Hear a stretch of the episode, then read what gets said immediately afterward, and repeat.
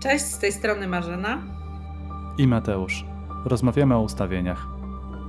Dzisiaj temat, którym chcemy się zająć, to z jednej strony temat, który może brzmieć trochę tajemniczo, ale z drugiej strony, z kim bym nie rozmawiał na te, e, o tym, o czym chcemy dzisiaj porozmawiać, to okazuje się, że bardzo wiele osób utożsamia się mm, no właśnie z tym.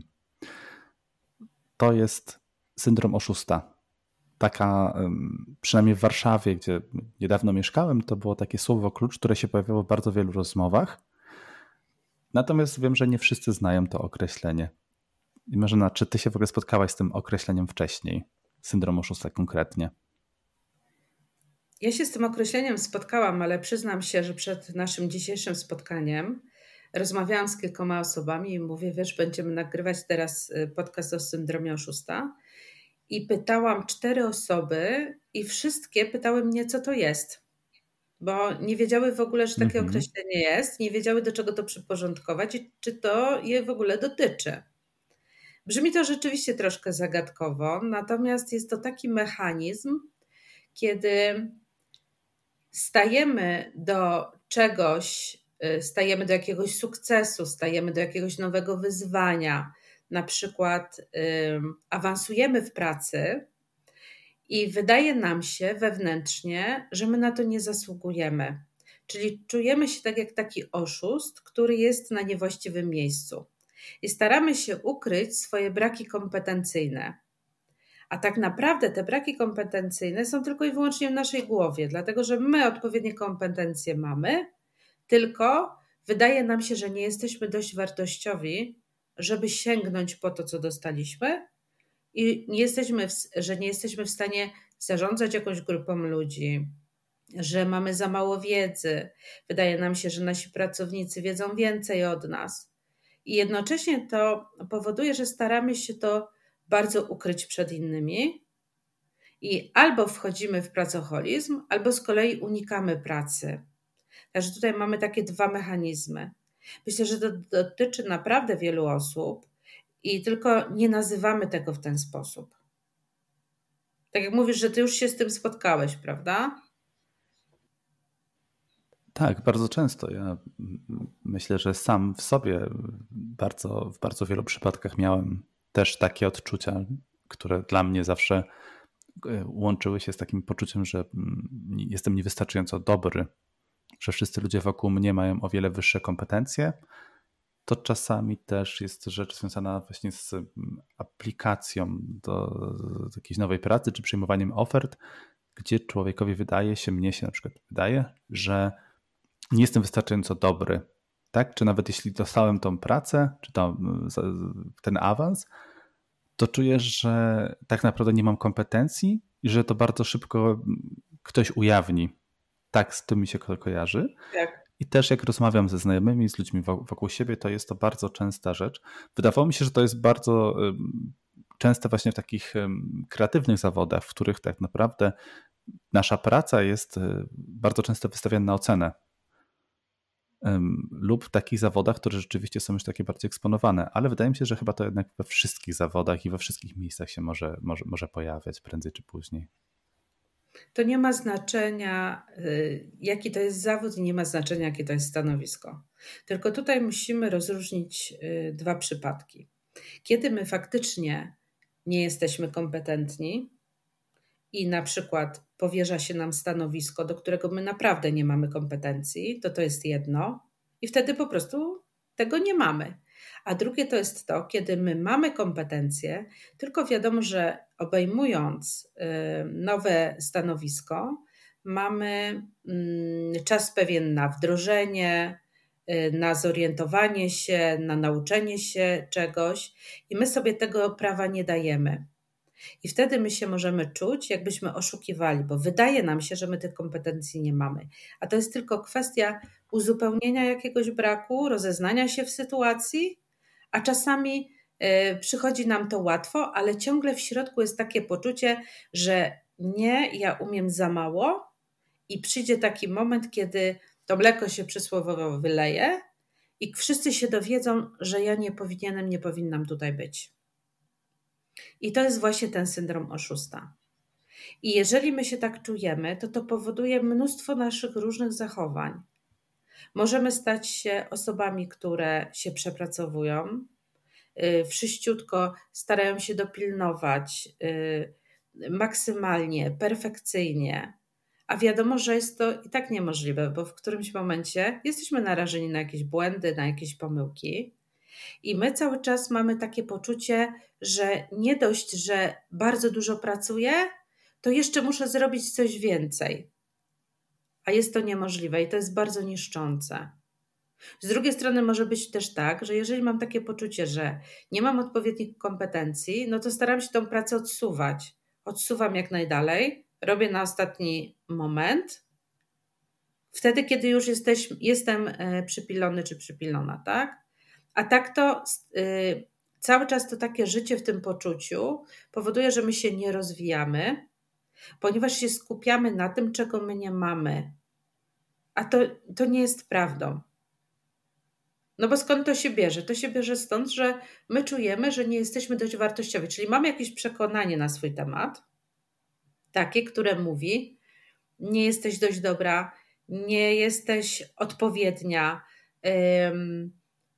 nie jesteś, no nie jesteś jakaś, jakaś, jakaś. To, co sobie tylko wymyślimy w głowie. Oczywiście to się bierze z naszych przekonań, które powstały gdzieś w naszym dzieciństwie, co słyszeliśmy od mamy. Nie jesteś dobra, nie jesteś, jesteś głupia, jesteś, nie, nie uczysz się, niczego nie osiągniesz, niczego nie zdobędziesz, tak?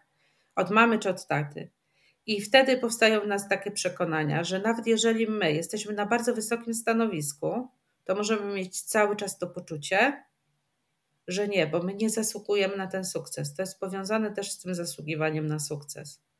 Bo nawet jakakolwiek drobna zmiana, to nie musi być już taki awans, wiesz, na jakichś bardzo wysokich szczeblach, ale cokolwiek. Może ktoś pracować w sklepie i zostać na przykład kierownikiem czy kierowniczką i mieć przed, pod sobą na przykład trzy osoby.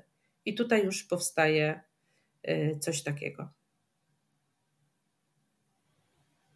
Przychodzą mi do głowy jeszcze dwa scenariusze, wiesz, tak a propos tego, tych sytuacji, w których to się może ujawnić.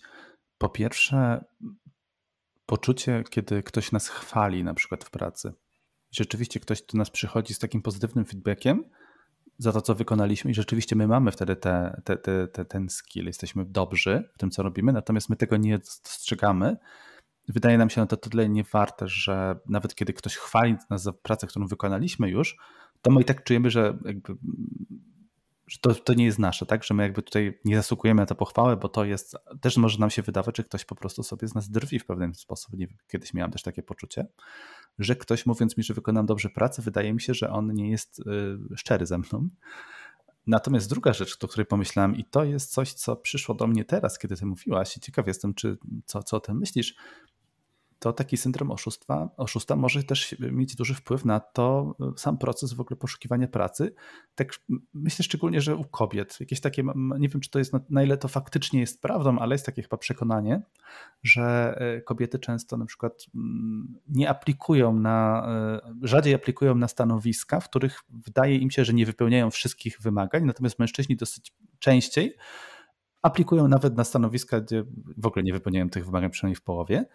Po, podobnie jest sprawa, jeśli chodzi o rozmowy o wynagrodzeniu, bo to też, te, też po części te rozmowy o tym nierównomiernym wynagrodzeniu biorą się z tego, że na, aplikując na, na dane stanowisko, mężczyźni częściej mają taką tendencję, no przynajmniej tak się jakby z, z, z badań, które, które ja czytałem, i też to się pokrywa z tym, co, co, co, co słyszę, że mężczyźni są, mają tendencję do tego, że częściej proszą o tą maksymalną możliwą stawkę na, na rozmowie, natomiast kobiety mają tendencję do tego, że zaniżają swoją oczekiwaną stawkę, ponieważ też trochę jakby zaniżały te swoje kompetencje, czy czują, że nie są wystarczająco dobre, żeby, e, no to też oczywiście nie musi to się dotyczyć tylko kobiet, ale wydaje mi się, że syndrom oszusta tutaj się też najbardziej chyba u, u, ujawnia, ponieważ on ma bardzo duży wpływ potem na to, co będziemy ile będziemy na przykład zarabiać, i to też może do tego prowadzić, że będziemy mniej zadowoleni z naszej pracy, ponieważ będziemy czuć w pewnym momencie, że zarabiamy poniżej naszych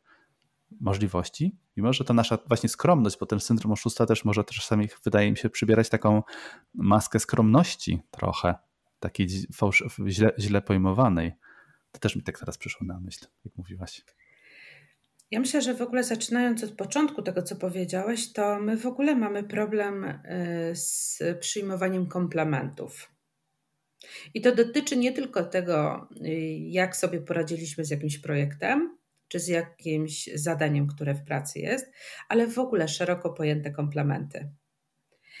Z jednej strony mamy już taką otwarto, większą otwartość, i to obserwuję u swoich klientów czy klientek, na to, żeby słyszeć dobre komunikaty na swój temat, ale z drugiej strony jeszcze jednak jest to trochę takie przymknięte. Jest takie poczucie takiego troszeczkę wstydu tutaj pod tym. Czyli ktoś mnie e, pochwalił, to ja jakby nie daję sobie prawa do tego, żeby się ucieszyć na to, żeby przyjąć, żeby tutaj jakby też rosnąć w siłę. Tak, rzeczywiście zrobiłam, zrobiłem, super, to jest osiągnięcie, to jest coś. Nawet jeśli jest to małe, to jest to jednak mój mały sukces. I z tym mamy generalnie problem. Jeżeli osobie, która ma syndrom e, oszusta, będziemy ją bombardować takimi komunikatami, świetnie zrobiłaś, świetnie zrobiłeś, to z kolei może też powodować jeszcze większe wycofanie, bo wtedy jest jeszcze większy lęk. Czyli może to szybciej wyjść na powierzchnię. Skoro tak o mnie mówią, a to jest nieprawda, to ta poprzeczka się podnosi jakby coraz wyżej. I osoba, która ma ten syndrom, zdaje sobie sprawę, że teraz to już są tak wysoko postawiona jest poprzeczka, że teraz to ona już naprawdę nie jest w stanie tego dosięgnąć. Że ona je, w ogóle już wtedy nie jest na swoim miejscu. Bardzo dużo obserwuję takich osób e, w korporacjach, i takie osoby mówią często do mnie: Mnie się udało. Tam ktoś mi coś, bo wiesz, tam taki przypadek, menadżerka coś zauważyła, ale wiesz, to po prostu przypadek. Ja, ja w ogóle nie wiem, co ja mam z tym robić. Ale jeżeli taka menadżerka zobaczyła, czy menadżer, to znaczy, że widzą w nas jakiś potencjał. I osoba, która y, coś takiego zaobserwuje u siebie, warto, żeby spojrzała na siebie jako na potencjał. Czyli może, żeby nie koncentrowała się na tym, jaka ona już jest świetna w tej roli, którą właśnie obejmuje, bo to jest dopiero początek, ale żeby przyjęła, że po pierwsze nic nie dostajemy sobie tak po prostu. Ktoś musiał w nas coś zobaczyć. I od tego trzeba by było zacząć. I od tego potencjału, i wtedy pracować nad rozwinięciem tego, bo na tym polega nasz rozwój. Każdy z nas na którymś etapie życia, nie, nie znam takiej osoby, żeby nie była w takim miejscu, gdzie w którymś momencie się czuje trochę niepewnie, nawet jeśli ma bardzo wysokie kompetencje. Nawet jeśli byśmy tu przywołali jakichś profesorów, to oni też by nam powiedzieli. Ja też mam czasem zawahania, ja też czasami nie jestem pewien tego, co mówię. Ja czasami też gdzieś, prawda? To jest naturalne. Tylko chodzi o to, żeby w tym nie pozostawać. Żeby zobaczyć, w jakim jestem miejscu, pozwolić sobie na przyjmowanie tych komplementów, nawet jeśli do końca nie potrafię, to powiedzieć sobie: okay, to ja sobie na to popatrzę, pobędę sobie z tym trochę, poobserwuję, czy to, co ktoś do mnie powiedział, jest prawdą. Bo my się opieramy na emocjach. To, co przychodzi do nas w jakimś momencie, to jest to, na podstawie czego my sobie budujemy nasz świat i nasze wyobrażenie, czyli nasze wyobrażenie też na swój temat. A powinniśmy się opierać na faktach. Czyli jak ja ci, Mateusz, mówię na przykład, że super mi się z Tobą rozmawia, masz taką lekkość mówienia i mam na to dowody, ponieważ zgłaszają się do mnie osoby, które mi o tym mówią i ja Ci to często też powtarzam, to jakby czymś takim naturalnym powinno być u Ciebie super, fajnie, dziękuję, tak jak rozmawiamy sobie, nie? Swobodnie. Natomiast ja mam jakby dowody, że to jest prawda, a ty z kolei, no byłoby tutaj takim zakłamaniem, gdybyś mówił, nie, tak to nie jest, nie? Nie, no bardziej powiem, że chciałbym chyba wyciąć ten kawałek z odcinka. Nie możesz tego zrobić. Nie pozwalam ci. No dobra. No to ciekawe teraz, czy, czy jakieś słuchaczki, słuchacze y, skomentują może coś na ten temat. Napiszcie coś o Mateuszu, o jego płynności mówienia, bo jestem bardzo ciekawa, co napiszecie. Bez przesady. Wracamy do tematu. Tak, chodzi, chodzi o to, żeby, żeby po prostu stanąć w prawdzie i zobaczyć, jaka jest prawda bo to jest przede wszystkim, y, przede wszystkim to. A co do tego. No to ja mam y, pytanie teraz jeszcze, zanim przejdziemy dalej. Powiedz to w takim razie, jak powinniśmy przyjmować komplementy w odpowiedni sposób, żeby to działało dobrze i nas y, właśnie wzmacniało? Z wdzięcznością. Po prostu. Otrzymujesz komplement, staraj się nie wchodzić w taki um, wstyd, jakieś takie, wiesz, zakłopotanie tylko po prostu z wdzięcznością dziękuję. Dziękuję za to, co powiedziałeś czy powiedziałaś. Dziękuję, że zauważyłeś, zauważyłaś. Dziękuję, że byłeś i byłaś mi w tym pomagałaś. Dziękuję, bo to jest też także Twoim udziałem. Dziękuję, że y, patrzysz na mnie. Ja bym podeszła w ten sposób. Tak staram się zawsze rozmawiać z moimi klientkami czy klientami, żeby stawać do tego. To jest też, słuchajcie, wielka wartość w ogóle umieć przyjąć i umieć wtedy w tym wystać, bo wtedy, jak przychodzi do nas sukces, to na co na przykład długo czekamy, to my wtedy jesteśmy w stanie się z nim obejść. Już gdzieś rozmawialiśmy w którymś podcaście na temat wystania w sukcesie. I sukces wiąże się z coraz większymi wyzwaniami i wiąże się z tym, że my musimy mieć dobrze zbudowane poczucie własnej wartości żeby móc zbudować sukces. A wracając do tego, y, co jeszcze powiedziałeś odnośnie tych y, wynagrodzeń, na przykład, czy tam y, tego poszukiwania pracy przez kobiety i przez mężczyzn, to wiesz, ja faktycznie obserwuję, że kobiety mają więcej takich mm, wątpliwości, czy ja powinnam, czy ja się nadaję, czy to jest właściwe miejsce, a tutaj nie mam jakiejś kompetencji czegoś. Natomiast mężczyźni mam wrażenie, że idą tak, tak bardziej na żywioł. Ale z drugiej strony też myślę, że to jest bardziej męskie, wiesz? Czyli jakby u mężczyzn dochodzi ta taka, wiesz, lwia część i mężczyźni wtedy idą po swoje, yy, czy im się uda, czy im się nie uda. Yy, dobrze, yy, często też mężczyźni reagują, znaczy dobrze, lepiej reagują na to, jeżeli zostaną odrzuceni, jeśli chodzi na przykład o pracę.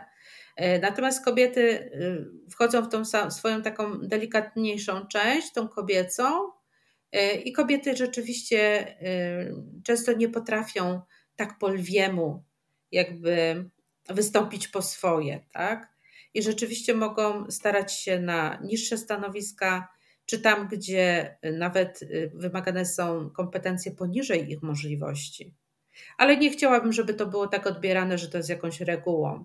To jest tylko z mojego takiego y, spostrzeżenia, ale widzę, że ty masz podobne. I chyba coś, coś w tym faktycznie jest.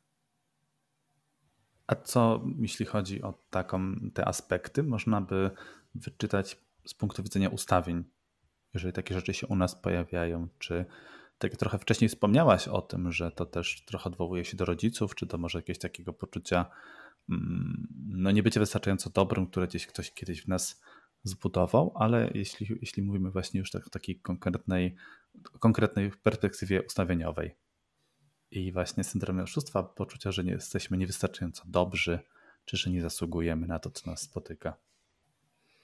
Wiesz co, tu możemy mieć różne dynamiki. No na pewno będzie to coś zahaczało o jakieś oszustwo, które miało miejsce. Czyli ktoś coś musiał ukrywać. Może ktoś y, pokazywał się jako inna osoba. Y, może ktoś nie mógł opowiedzieć y, o tym, kim się czuje, jaką się czuje osobą. Może ktoś ukrywał swoją tożsamość. Tutaj może być bardzo dużo różnych aspektów, ale na pewno warto by było przyjrzeć się temu ustawieniowo, dlatego że Samo takie mm, spojrzenie tylko na przekonania tutaj, to my z reguły wiemy, że w domu mówiło się tak, więc my mamy to stąd, tak? Możemy pracować nad przekonaniami, ale często jest to praca taka długoterminowa, A ten syndrom oszusta jest bardzo męczący. I warto z tym robić porządki wszystkimi możliwymi, możliwymi metodami, dlatego że w którymś może, momencie możemy doprowadzić do sytuacji takiej, e, że będziemy doszukiwać się swoich błędów w pracy i będziemy nawet wręcz y, nieświadomie prowokować sytuacje, gdzie będą wychodziły jakieś nasze błędy na powierzchnię. Dlatego, że my mamy ciągłe oczekiwanie, że to się wyda. Więc ciągle jakby prowokujemy, żeby to się wydało. I z jednej strony my bardzo się staramy utrzymać, żeby się nie wydało, a z drugiej strony prowokujemy, żeby się wydało. Wiesz, to jest tak męczące i to jest tak trudne y, do utrzymania przy nas, że warto naprawdę tym tematem się zająć. Bo myślę, że wiele osób sobie w ogóle nie zdaje sprawy z tego, że coś takiego u nich występuje. Bo jest czasami też tak, że ktoś ci z boku mówi: O co ci właściwie chodzi? No przecież masz super stanowisko, możesz sobie wyjeżdżać, masz y, takie zasoby finansowe, że możesz realizować swoje marzenia, pragnienia, a ty masz w środku takie poczucie, że jestem cały czas na takim stand-by'u. Cały czas, cały czas tak w nerwach, wiesz. To nawet z tego, co osiągnąłeś finansowo, nie jesteś w stanie skorzystać. Dlatego, że to jest cały czas pod, podszyte taką um, energią nerwowości, stresu, Żyjemy w takich czasach, gdzie tego stresu mamy strasznie dużo. I jeżeli my sobie nazwiemy, zastanowimy się teraz, w jakiej jestem pracy, w jakim jestem miejscu, z kim pracuję, jakie kompetencje mam, a jakie wydaje mi się, że powinnam czy powinienem mieć, to wtedy y, spójrzmy, czy nie mamy właśnie tego mechanizmu w sobie. Jeśli mamy, no to to już tak jak rozmawiamy, to już jest początek do tego, żeby coś z tym zrobić. I nad tym trzeba pracować, żeby sobie ułatwić. Tylko musimy zdać sobie z tego sprawę, bo czasami my nie wiemy dlaczego mamy taką nerwówkę, tak staramy się wszystkiego dopilnować, a to właśnie wynika z tych mechanizmów. Skoro jest to temat, któremu warto się przyjrzeć na ustawieniach, to może mm, masz pomysł, w jaki sposób y, łatwiej byłoby rozróżnić mnie czy każdej innej osobie, czy to, co czuję w tym momencie, to jest chwilowe uczucie, które, czy, czy może to rzeczywiście uczucie jest racjonalne, czy to faktycznie już jest coś, co, czemu warto się przyjrzeć ustawieniowo, czy podczas właśnie sesji terapeutycznej, czy coachingowej, czy to jest jakiś temat, który zaczyna być problemem, który stopuje mnie w życiu? Myślę, że mm, teraz jak zadałeś to pytanie, to mm, przyszło do mnie, że faktycznie e, sesja coachingowa mogłaby tutaj e, rzucić takie, wiesz, jasne światło na sytuację. Dlatego, że my czasami z lęku potrafimy się jakby tak zakręcić, wiesz, w takich myślach własnych, że nie widzimy, czy to jest prawda, czy to jest nieprawda. I faktycznie myślę, że taka sesja coachingowa na przykład, taka doraźna, wiesz, nawet żeby sobie y, właśnie rozróżnić, zobaczyć, byłaby tutaj bardzo wskazana. I myślę, że to mogłoby y, pokazać, czy faktycznie nam brakuje tych kompetencji, czy my jesteśmy w tym myśleniu, że nam tylko brakuje, i wtedy możemy być dotknięci przez ten syndrom. Myślę, że coaching tutaj też byłby bardzo dobrym, y, bardzo dobrym narzędziem do tego, żeby sobie to rozpatrzyć. Zastanawiam się, na jakie zmiany możemy liczyć, jeżeli ten temat przepracujemy, ponieważ wydaje mi się, że to rzeczywiście może bardzo e, wpływać na nasze życie, na nasze decyzje zawodowe i na nasz rozwój. A ciekaw jestem, co się, co się może zadziać w naszym życiu, kiedy uporamy się z tym e, problemem przestaniemy być kierowani tym syndromem oszusta. Myślę, że przede wszystkim e, możemy nabrać takiej wiary i pewności, że jesteśmy na właściwym miejscu. Możemy przestać się przepracowywać, co jest najczęstsze, i możemy wprowadzić taki, taką równowagę między naszym życiem y, osobistym a życiem zawodowym. Dlatego, że to będzie bardzo rzutowało też na nasze życie osobiste, ponieważ te emocje i te stresy, które są z tym związane, będziemy przenosili na grunt domowy I to się na pewno gdzieś będzie odbijało na naszym związku czy na relacjach z dziećmi, chociażby przez to, że y, za dużą część czasu spędzamy w pracy, a nawet jeśli nie w pracy, to jeżeli wracamy do domu, to cały czas myślimy o pracy. Więc to będzie się przekładało. Więc odpadnie nam y, jakby myślenie y, takie ciągłe, takie natarczywe na temat tego, co jeszcze powinniśmy zrobić, y, co jeszcze, jaki kurs jeszcze ukończyć, co jeszcze zrobić, jakby żeby udowodnić wszystkim wokoło, że mamy odpowiednie kompetencje. No i na pewno zmniejszy się nasz poziom stresu. Także warto tutaj nad tym popracować. Te korzyści, które z tego będą, będą daleko płynące, one będą bardzo szerokie. I nie zatrzymujmy się w tym miejscu. Zróbmy z tym po prostu porządek, bo warto. Myślę, że to jest najlepsze podsumowanie tej rozmowy. Myślę, że tak. Bardzo Ci dziękuję za dzisiejszą rozmowę. Myślę, że jest bardzo inspirująca.